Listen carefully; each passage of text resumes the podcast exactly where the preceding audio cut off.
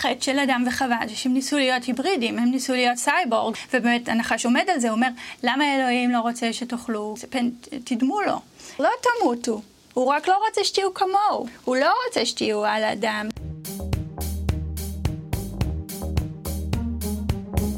המצב הפוסט-אנושי, אקטואליה בראי העתיד. פודקאסט על טכנולוגיה, תרבות ורוח, עם דוקטור כרמל וייסמן. שלום לכולם. אנחנו מדברים בפודקאסט הזה הרבה על טכנולוגיה והעתיד, אבל גם על היסטוריה ופרה-היסטוריה, כי כבר נוכחנו לא פעם שהעתיד הוא העבר. הפוסט-אנושי זאת נקודת מבט שהייתה קיימת גם לפני שהאדם נתפס כמרכז העולם, והיא קשורה גם לדברים כמו יחסי אדם-חיה או דתות למשל. בפרק הזה נלך לתנ"ך, שנחשב לרגע שבו האדם הועמד במרכז העולם. ודרך הרגע הזה אנחנו נבין את שורשי הפירוד המיתי, הפרה-היסטורי בין האדם לחיה, ואת המסע של כולנו, מעץ הדעת לעץ החיים. נבין איך נראה העתיד שהוא החזרה לעבר, לגן העדן, ומה אפשר ללמוד מזה על ימינו. האורחת שלנו היום היא אביגיל בר-לב, חוקרת פוסט-הומניזם ויחסי אדם-חיה במקרא מאוניברסיטת תל אביב, ובואו נתחיל מבראשית, מה שנקרא.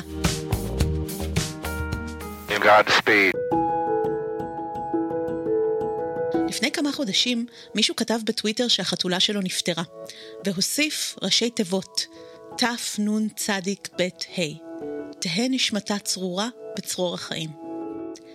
מיד קפץ אחד המגיבים וכתב שעם כל הצער שבדבר, לומר תנצבה על חתולה זה מדרון חלקלק, וראוי שתהיה הפרדה. מה בדיוק המדרון החלקלק פה? שאלו אחרים, ספק נדהמים, ספק משועשעים. והמגיב המקורי התפתל כזה, יש הפרדה שחשוב לשמור בין בעלי חיים לבני אדם, הוא כתב. וזה משהו שמטשטש בשנים האחרונות, החתולה הזו זה רק סימפטום. אז יש באמת הפרדה כזו? על מה היא מתבססת? האם חשוב לשמר אותה? ואם כן, למה בדיוק? בפרק הזה אנחנו רוצים בין השאר לצלול למקורות של ההפרדה הזו בתנ"ך, ולהבין ממנה משהו עמוק על המצב האנושי והפוסט-אנושי. יש לזה מונח מקצועי אגב, ספיסיסיזם, סוגנות, או מינאות לפי האקדמיה ללשון. זה מונח שמתבסס בעצם אה, על מונחים כסקסיזם ורייסיזם, שזה בעצם אה, הנחה שקיים מין ביולוגי אחד טוב מהשאר. זאת אומרת, זו הפרדה בעצם אה, בין אה, מין ביולוגי אחד ושאר המינים. זו עמדה שבעצם אה, מנסים לקעקע, פעילים למען זכויות בעלי חיים, או חלקם, עמדה של עליונות המין האנושי על פני מינים אחרים, ומתוך זה נגזרות כל הפעולות האנושיות שמוכרות לנו. אכילת בעלי חיים, חיות משק, עבודת בעלי חיים, קורבנות, שימוש בבעלי חיים במדע. לפעמים טבעונים משתמשים, או פעילי זכויות בעלי חיים משתמשים במטבעות לשון שקשורות בשיח על השואה. אפילו המשפט של יצחק בשבי זינגר, זה עבור בעלי החיים, אה, כל יום הוא טרבלינקה. זה כאילו קדוש, אסור לגעת בזה. קדושה, שזה דרך אגב מילה נרדפת לייחוד. אסור לגעת בייחודיות האנושית, או בקורבן האנושי שהוקרב. הקרב, לא, לא מרצון, כן, בשואה. זאת אומרת, אל תשוו בין בני, איך אתם מעיזים להשוות בין בני אדם לבעלי חיים? המחשבה הסוגנית היא כל כך עמוקה במחשבה האנושית, לטעמי בעיקר המונותאיסטית. בדתות הטבע הפגניות העתיקות, האדם הוא פשוט עוד פיון על הלוח, והרבה פעמים החיות משמשות לו אלים ומדריכים אפילו. אביגיל רואה בתנ"ך את נקודת ההתחלה הרשמית של תפיסת הייחוד האנושי. אפשר לסכם את התזה שלה במשפט אחד. התמה המרכזית, אפשר להגיד שמונותאיזם מלבד ייחודיות האל, היא גם ייחודיות האדם. שנברא בצלמו וברא בצלמו. אבל למעשה המקרא, אני טוענת, אה, הוא לא כל כזה אנתרופוצנטרי כמו שאנחנו חושבים. נכון, וזה הקטע המעניין פה. התנ"ך הוא זה שמציע לנו לראשונה בהיסטוריה נרטיב שעבורנו נברא העולם, שאנחנו לא סתם עוד מין של חיה, אלא יש בנו מצלם האל האחד הזה שבורא את הכל. אבל אותו תנ"ך בדיוק מספר גם סיפור אחר לגמרי לצד זה. המקום שבו הנרטיב החלופי הזה הכי בולט במקרא זה בספר איוב, שם אלוהים ממש זורק לו בפרצוף מעין נאום כזה של למה מי אתה? ספר איוב זה ממש מובהק, אה, הנאום של אה, אלוהים מן הסערה. רק בקצרה, מה הסיפור של ספר איוב? בעצם אה, ספר איוב עוסק בתפיסת הגמול. צדיק ורע לו, כיצד זה ייתכן? זאת אומרת, יש לנו כאן בעיה פילוסופית חמורה, כי יש שתי תפיסות גמול שמאפיינות את המקרא. תפיסת גמול דורות, שמאפיינת הרבה ספרים אולי המוקדמים יותר, שבו אבות אכלו בוסר, שיני בנים תקהנה, ותפיסת הגמול האישי שמתפתחת בהמשך, שהיא אומרת, תעשה טוב, יהיה טוב, תעשה רע, יהיה לך רע. אז מה, מה עם איוב? זאת אומרת, יש לנו פה סיפור על התערבות בין אלוהים והשטן, כדי להוכיח שאיוב הוא צדיק מוחלט, והוא לעולם לא יחטא, ולכן הוא עובר מסכת ייסורים. איוב במשך כל הפרקים מנסה להבין, לקבל תשובה מאלוהים, כיצד ייתכן שהוא סובל אם הוא לא חטא. התשובה שנותן אה, אלוהים, אם נגיד באופן שטחי, התשובה היא, אה, יש דברים שאתה לא מבין, כן? אני אלוהים, יש דברים שאתה לא מבין. אבל uh, התשובה יותר עמוקה מזאת. התשובה של אלוהים היא בעצם, אתה לא מרכז העולם. אני מבין שאתם חושבים, אתם בני אדם, שאתם מרכז העולם. אלוהים מנפץ את האשליה הזאת. האשליה שאפשר להגיד היא האשליה שמאפיינת את ספר המקרא וגם את המחשבה שלנו כיום. אלוהים אומר, אה, למה שזה לא יקרה לך? ואז הוא נותן דוגמאות דווקא מהטבע, דוגמאות שבהם הוא מראה כיצד הוא, אלוהים, אחראי על הטבע ועל תופעות הטבע, והוא דואג לעורב ולגוזליו, והוא ממטיר אה, גשם במדבר שאין שם בן אדם. למה הוא ממטיר שם גשם אם אין שם בן אדם? כי יש דברים בעולם שאינם קשורים בבן אדם. אז זו בעצם התשובה של אלוהים, שהיא מאוד בעייתית למקרא. כי, רגע, אז למה לשמור על מצוות אלוהים? אבל אלוהים כבר עשה את זה פעם, אם אנחנו חושבים על זה בבראשית א'. למה נתת עץ שאסור לגעת בו? למה עץ דת? למה עץ חיים? למה אין לנו חיים נצחיים? זאת אומרת, למה הפיתוי? אבל בואו נחזור אחורה רגע. כי הדואליות הזו נמצאת שם כבר מההתחלה, הכי התחלה שיש.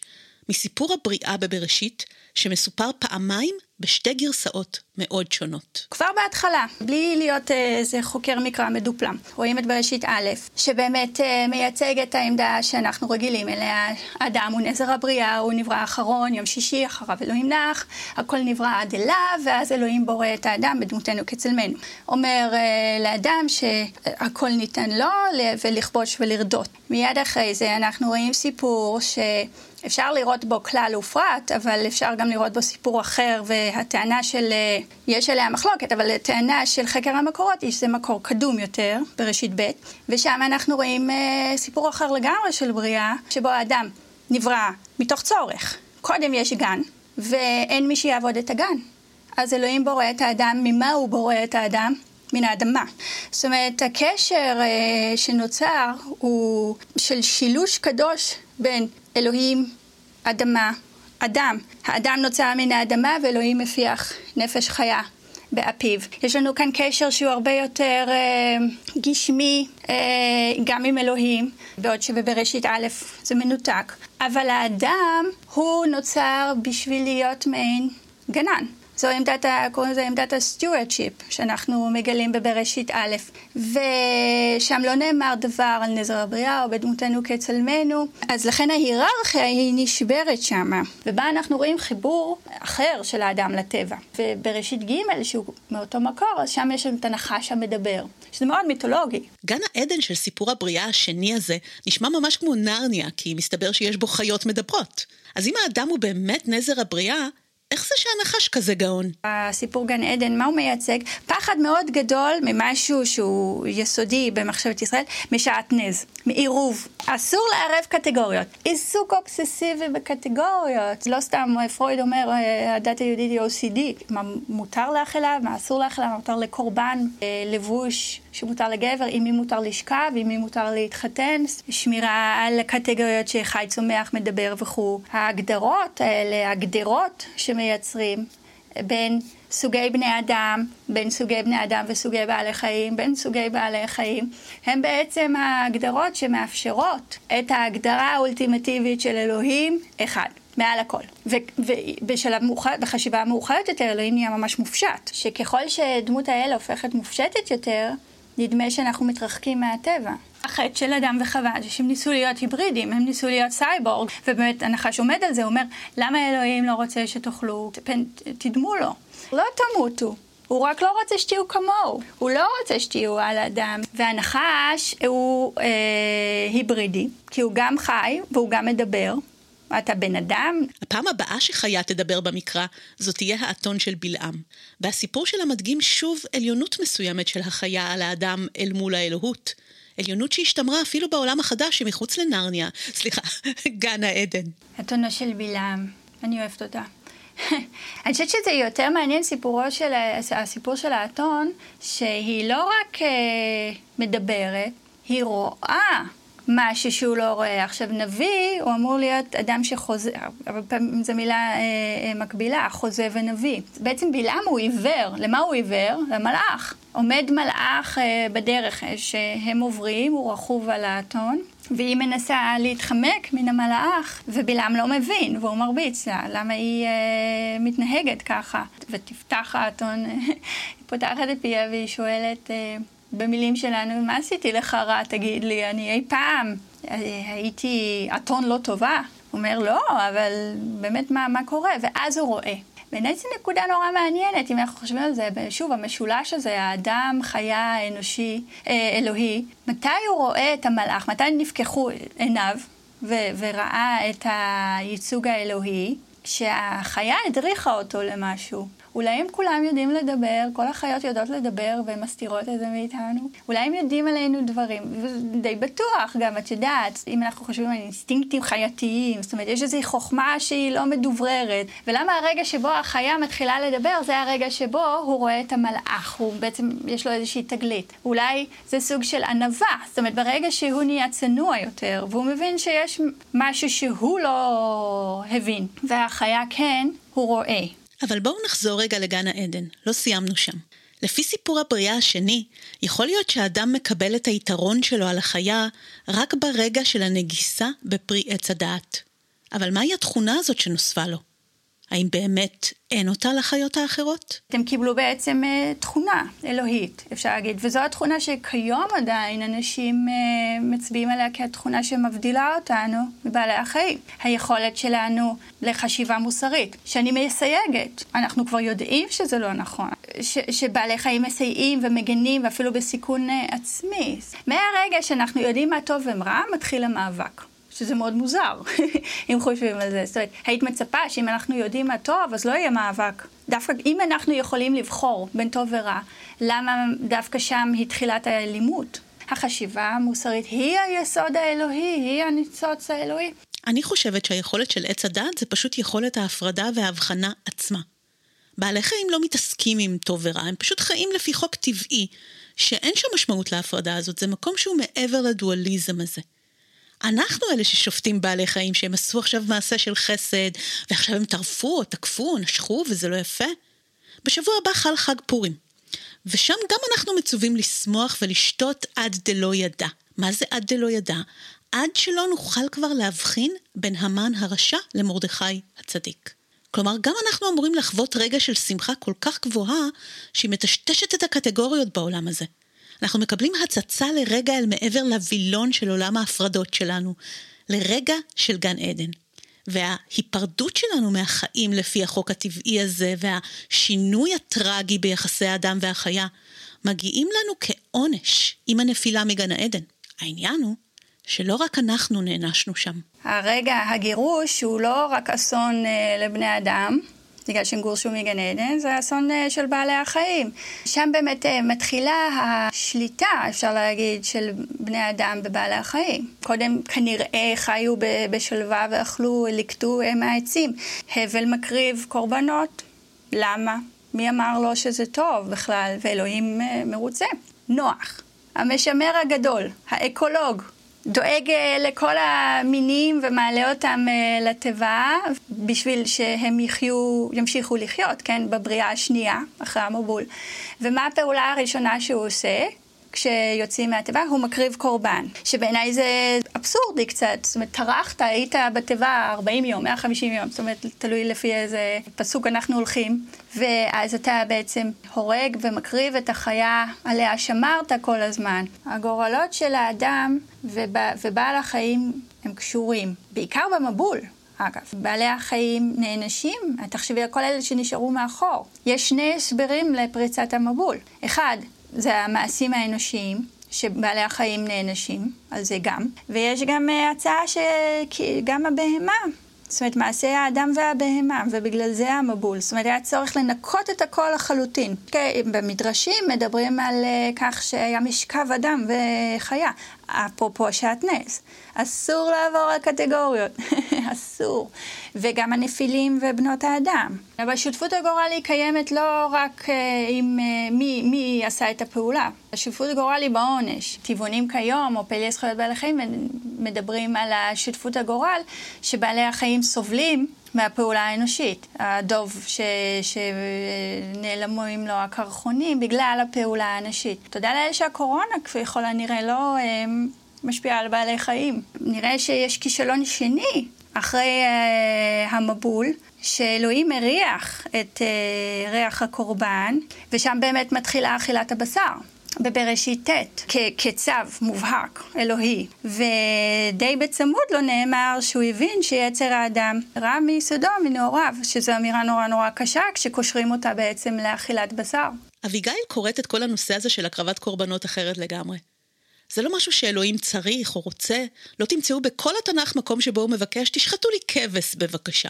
זאת יוזמה של בני האדם, שאלוהים נראה שנאלץ להשלים איתה ולהבין שככה אנחנו. זה כמו צורך שלנו שהוא גומל אותנו ממנו בהדרגה, כי נראה שככל שאנחנו מתפתחים הוא מוריד אותנו מזה.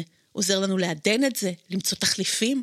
למעשה קורבן החיה הוא מראש כבר עידון של קורבן האדם. אנחנו יודעים שבגיא בן הינום, גהנום אגב, גיא בן הינום בירושלים, העמק, שם אה, אה, יש גם שרידים, זאת אומרת התקיימו טקסים של קורבן למולך. המקום שבו מקריבים אדם קיבל את השם גהנום. הרי אין לנו גהנום וגן עדן במקרא, אין. ועקדת יצחק, שזה סיפור מאוד מאוד חשוב, בנרטיב היהודי אומר את זה חד משמעית, להחליף את האדם בחיה. זה שעיר לעזאזל, יום כיפורים, החידוש המונותאיסטי, וזה שוב מצביע על הקשר הבלתי נפרד בין מונותאיזם למונו-אדם, לייחודיות האדם, ולא רק האל, זה החידוש של אה, ביטול קורבנות האדם. אנחנו יודעים שעבודה גדולה של הכהנים, עבודת הקורבנות, זו עבודת האלוהים. והנביאים, הם זועמים על זה, חלק מהנביאים, אה, ירמיה, אה, ישעיה, אומרים, מה, מה לי ולקורבנות האלה? הידיים שלכם אדומות. אתם מנסים לזכך בעצם, לזכך את, ה, את עצמכם, אבל אתם ממשיכים. וחשוב מאוד לזכור ש... בטלו הקורבנות. לאחר חורבן הבית השני, זאת אומרת, אה, פסקו הקורבנות מן העולם, והתפילות, עיסוק במילה, הוא אה, מייצג עכשיו את העליונות האנושית, ולא ההקרבה. זו רפורמה אה, ממש במחשבה. היום לכאורה כבר אין קורבנות, אבל רק לכאורה. אביגיל טוענת שהם פשוט לבשו צורה אחרת. קורבנות באמת פסקו והם עברו לצלחת. זה נהיה איזשהו פולחן חדש, פולחן האוכל, וכל כך הרבה תוכניות ריאליטיז שבהם אנחנו רואים התעסקות בבעלי חיים שהם כבר, הם בכלל איבדו לגמרי, הרי את צלמם כבעלי חיים. זאת אומרת, דיברנו קודם על העידון. דווקא העידון הזה של המנות, העידון האסתטי, זה חזרה לקורבנות מסוג אחר, אה, שמוגשים עם עלי כוסברה. כוסברה, אני יודעת מה, אבל אה, כן, יש לנו פה איזה סוג של אה, סובלימציה, אבל לא עידון, יש לנו מין גלגול, גלגול נשמות שעברו הקורבנות. כמו שאמר רמב"ם שהוא התייחס לעקדת יצחק, היה צריך את שלב הביניים של קורבן העיל, קורבנות בעלי החיים, בשביל אה, לסיים את המעשה הנורא של קורבן אדם. אז זה שלב ביניים שאנחנו עדיין נמצאים בו. בעלי חיים הם חלק מאוד עיקרי בפולחן גם כיום. יש דיון נורא, דיון על התפילין שעשויים מאור. או השופר. אין הלכה כזו, אבל אכילה בחג, שהשמחה כרוכה באכילת דג ו- וכו'. ואז באמת יש את ההסבר ש- שניתן, שבעצם אנחנו מתמירים. אכילת אה, בעלי החיים כסוג של התמרה אה, היא עמדה מאוחרת. זה קיים בקבלה, בזרמים מיסטיים יותר, חסידות וכו'. אם דיברנו קודם על הדרגות של ההיררכיה, צומח, אה, חי, מדבר, זה האנושי, אז בעצם אנחנו, האם אנחנו, על ידי לעיסת החיה, אנחנו מתמירים אותה? לאדם, אז מה יתמיר את האדם לעל אדם? מעניין אותי. כיום האדם גם יוצא משרשרת האבולוציה, האדם הוציא את עצמו גם. כבר לא שייך לכאורה לשרשרת המזון. אז מה באמת אוכל את האדם? סוגים של בעלי חיים בלתי נראים לעין בתוך הגוף, וירוסים. וגם הסרטן, שמעניין שבחרנו בשם הזה. קורונה, אחת הסברות היא שהיא פרצה בגלל שבי של חיות בר, ועדיין לא עושים את הקישור. אני חושבת שדי יש תמימות דעים שזה קשור ליחס שבין האדם והטבע. הצעה אחרת למה אוכל את האדם ומתמיר אותו זה אולי המוות. במוות האדם מאבד את גופו החומרי. ועולה למדרגה נעלה יותר. רמב"ם אה, בעצם מדבר על אה, המוות, זאת אומרת, אה, כאשר מתים, חובר השכל האנושי לשכל האלוהי. זה מין קשר כזה שייווצר, ומה זה אם לא סייבורג, ומה זה אם לא להיות נפיל. אז האם תחיית המתים יכולה להיות חיבור בין השכל האנושי והאלוהי? רבי סעדיה גאון, שהוא מדבר על תחיית המתים, הוא מדבר על בעצם מין סוג של אפסון של הנפש. עד אשר תתאפשר תחיית המתים. וזה נורא הזכיר לי את העתידנים, או ריי קורצוול, נכון שהוא רוצה לחיות חיי נצח, נכון? ועכשיו אם לא נגיע לזה בזמן, הוא לא יגיע לזה בזמן, אז הם יקפיאו את עצמם עד אשר הם יאפסנו את עצמם בעצם. היחיד שמדבר על תחיית המתים, על העולם הבא, זה דניאל. הוא בעצם צריך לתת הצדקה למוות על קידוש השם, כי, כי הפרק האחרון כנראה נכתב קרוב לתקופת המכבים. אז דניאל אה, פתאום מדבר על עמדה חדשה שכנראה נשען, שואבת מעולם ההלניסטי, שמדברת על, על העולם הבא. אה, מתי תתאפשר תחיית המתים? כמו שדניאל שואל, מתי קץ הפלאות? אולי כשנחזור אחורה. אולי. אני חושבת שנחזור לצניעות, זו דעתי. ויאמר לך דניאל כי סתומים וחתומים. הדברים עד את קץ יצרפו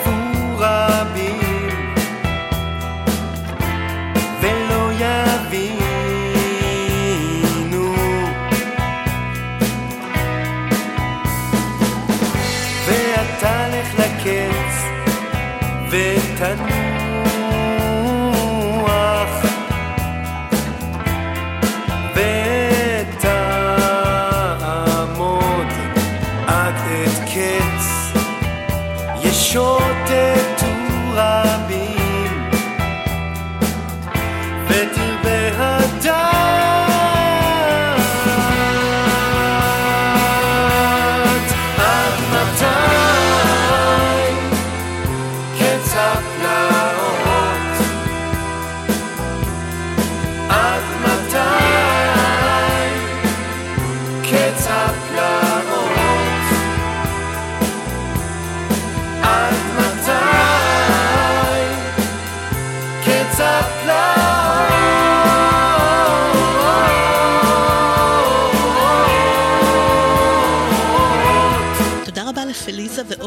זוהר על השיר קץ הפלאות מתוך האלבום החדש בשם הזה.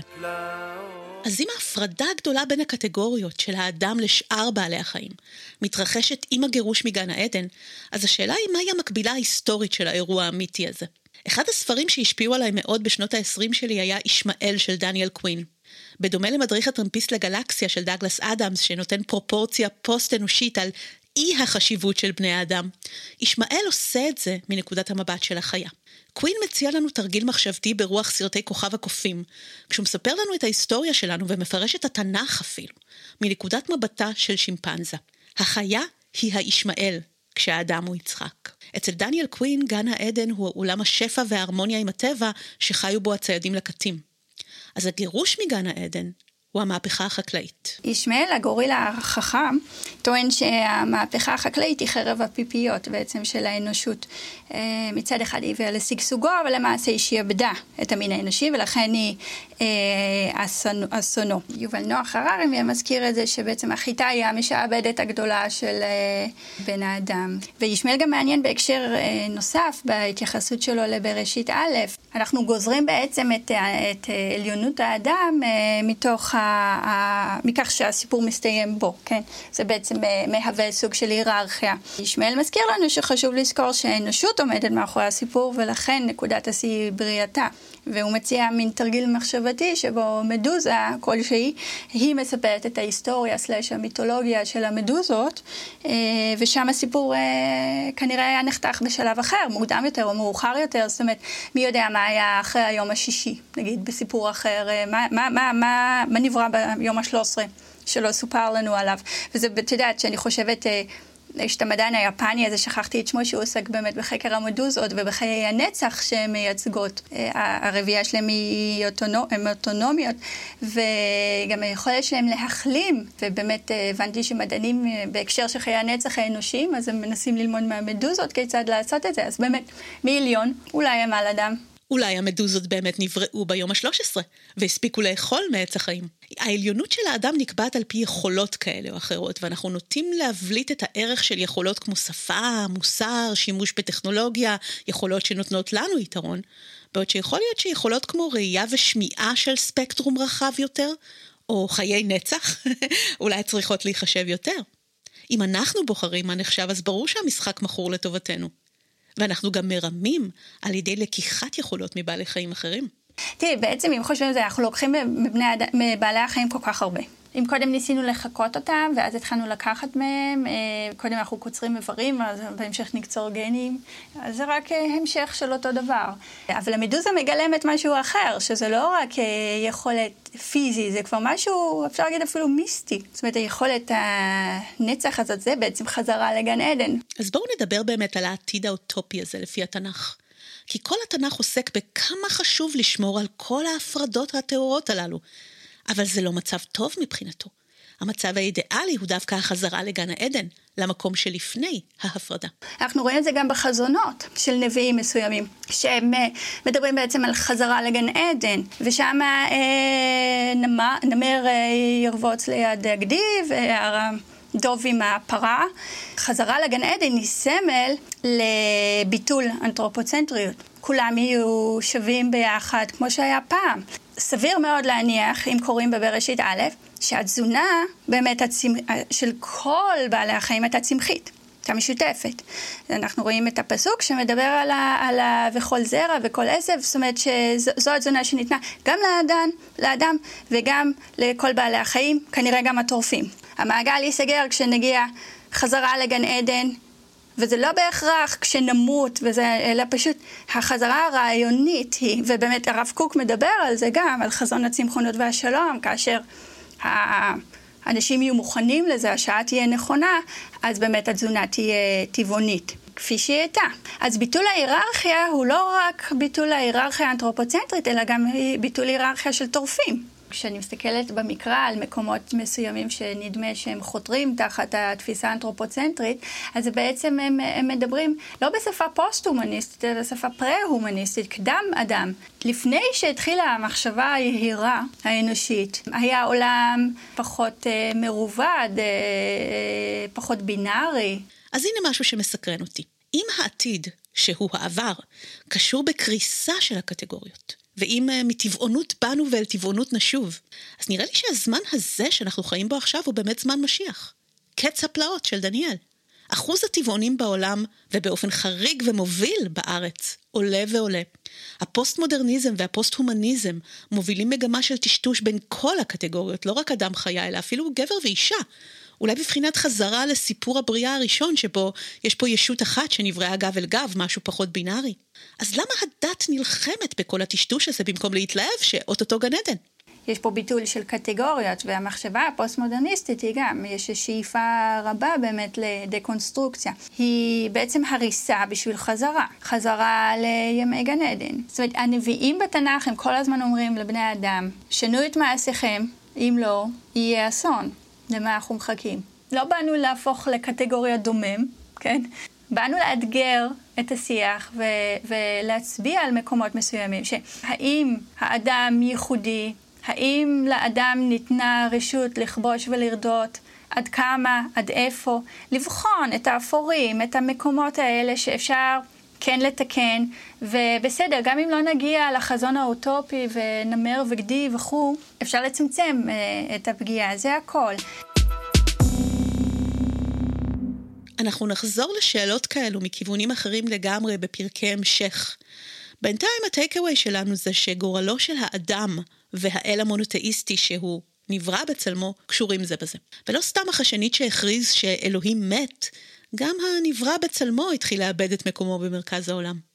ניטשה הציע שהדרך לעל אדם הוא דווקא במציאות ללא אל. אבל אולי אנחנו בוראים לעצמנו אל חדש בדמות הטכנולוגיה כדי להגיע לעל אדם. בפרק הבא אנחנו נעסוק בקשרים עכשוויים יותר בין דת לטכנולוגיה.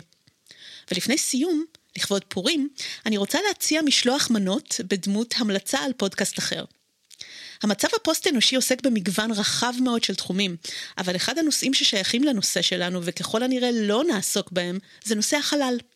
אז אם אתם מתעניינים בנושאים פוסט-אנושיים וחסר לכם פודקאסט על חלל, אני רוצה להמליץ על פודקאסט חדש, ממש טרי מהתנור, בשם ננו חלל, שמארח בכירים בתחום החלל. למשל, בפרק האחרון שלהם הם ראיינו את אה, אילן שיקר שלנו, שיוצא למאדים. אז חפשו אותם באפליקציות הפודקאסטים השונות, או קבלו לינק בתמלול של הפרק. אל תשכחו לבקר אותנו בפייסבוק או באינסטגרם בין הפרקים, יש שם עוד חומרים מעניינים. אז שיהיה לכם חודש שמח ולהשתמע בעוד שבועיים. עד מתי קץ הפלאות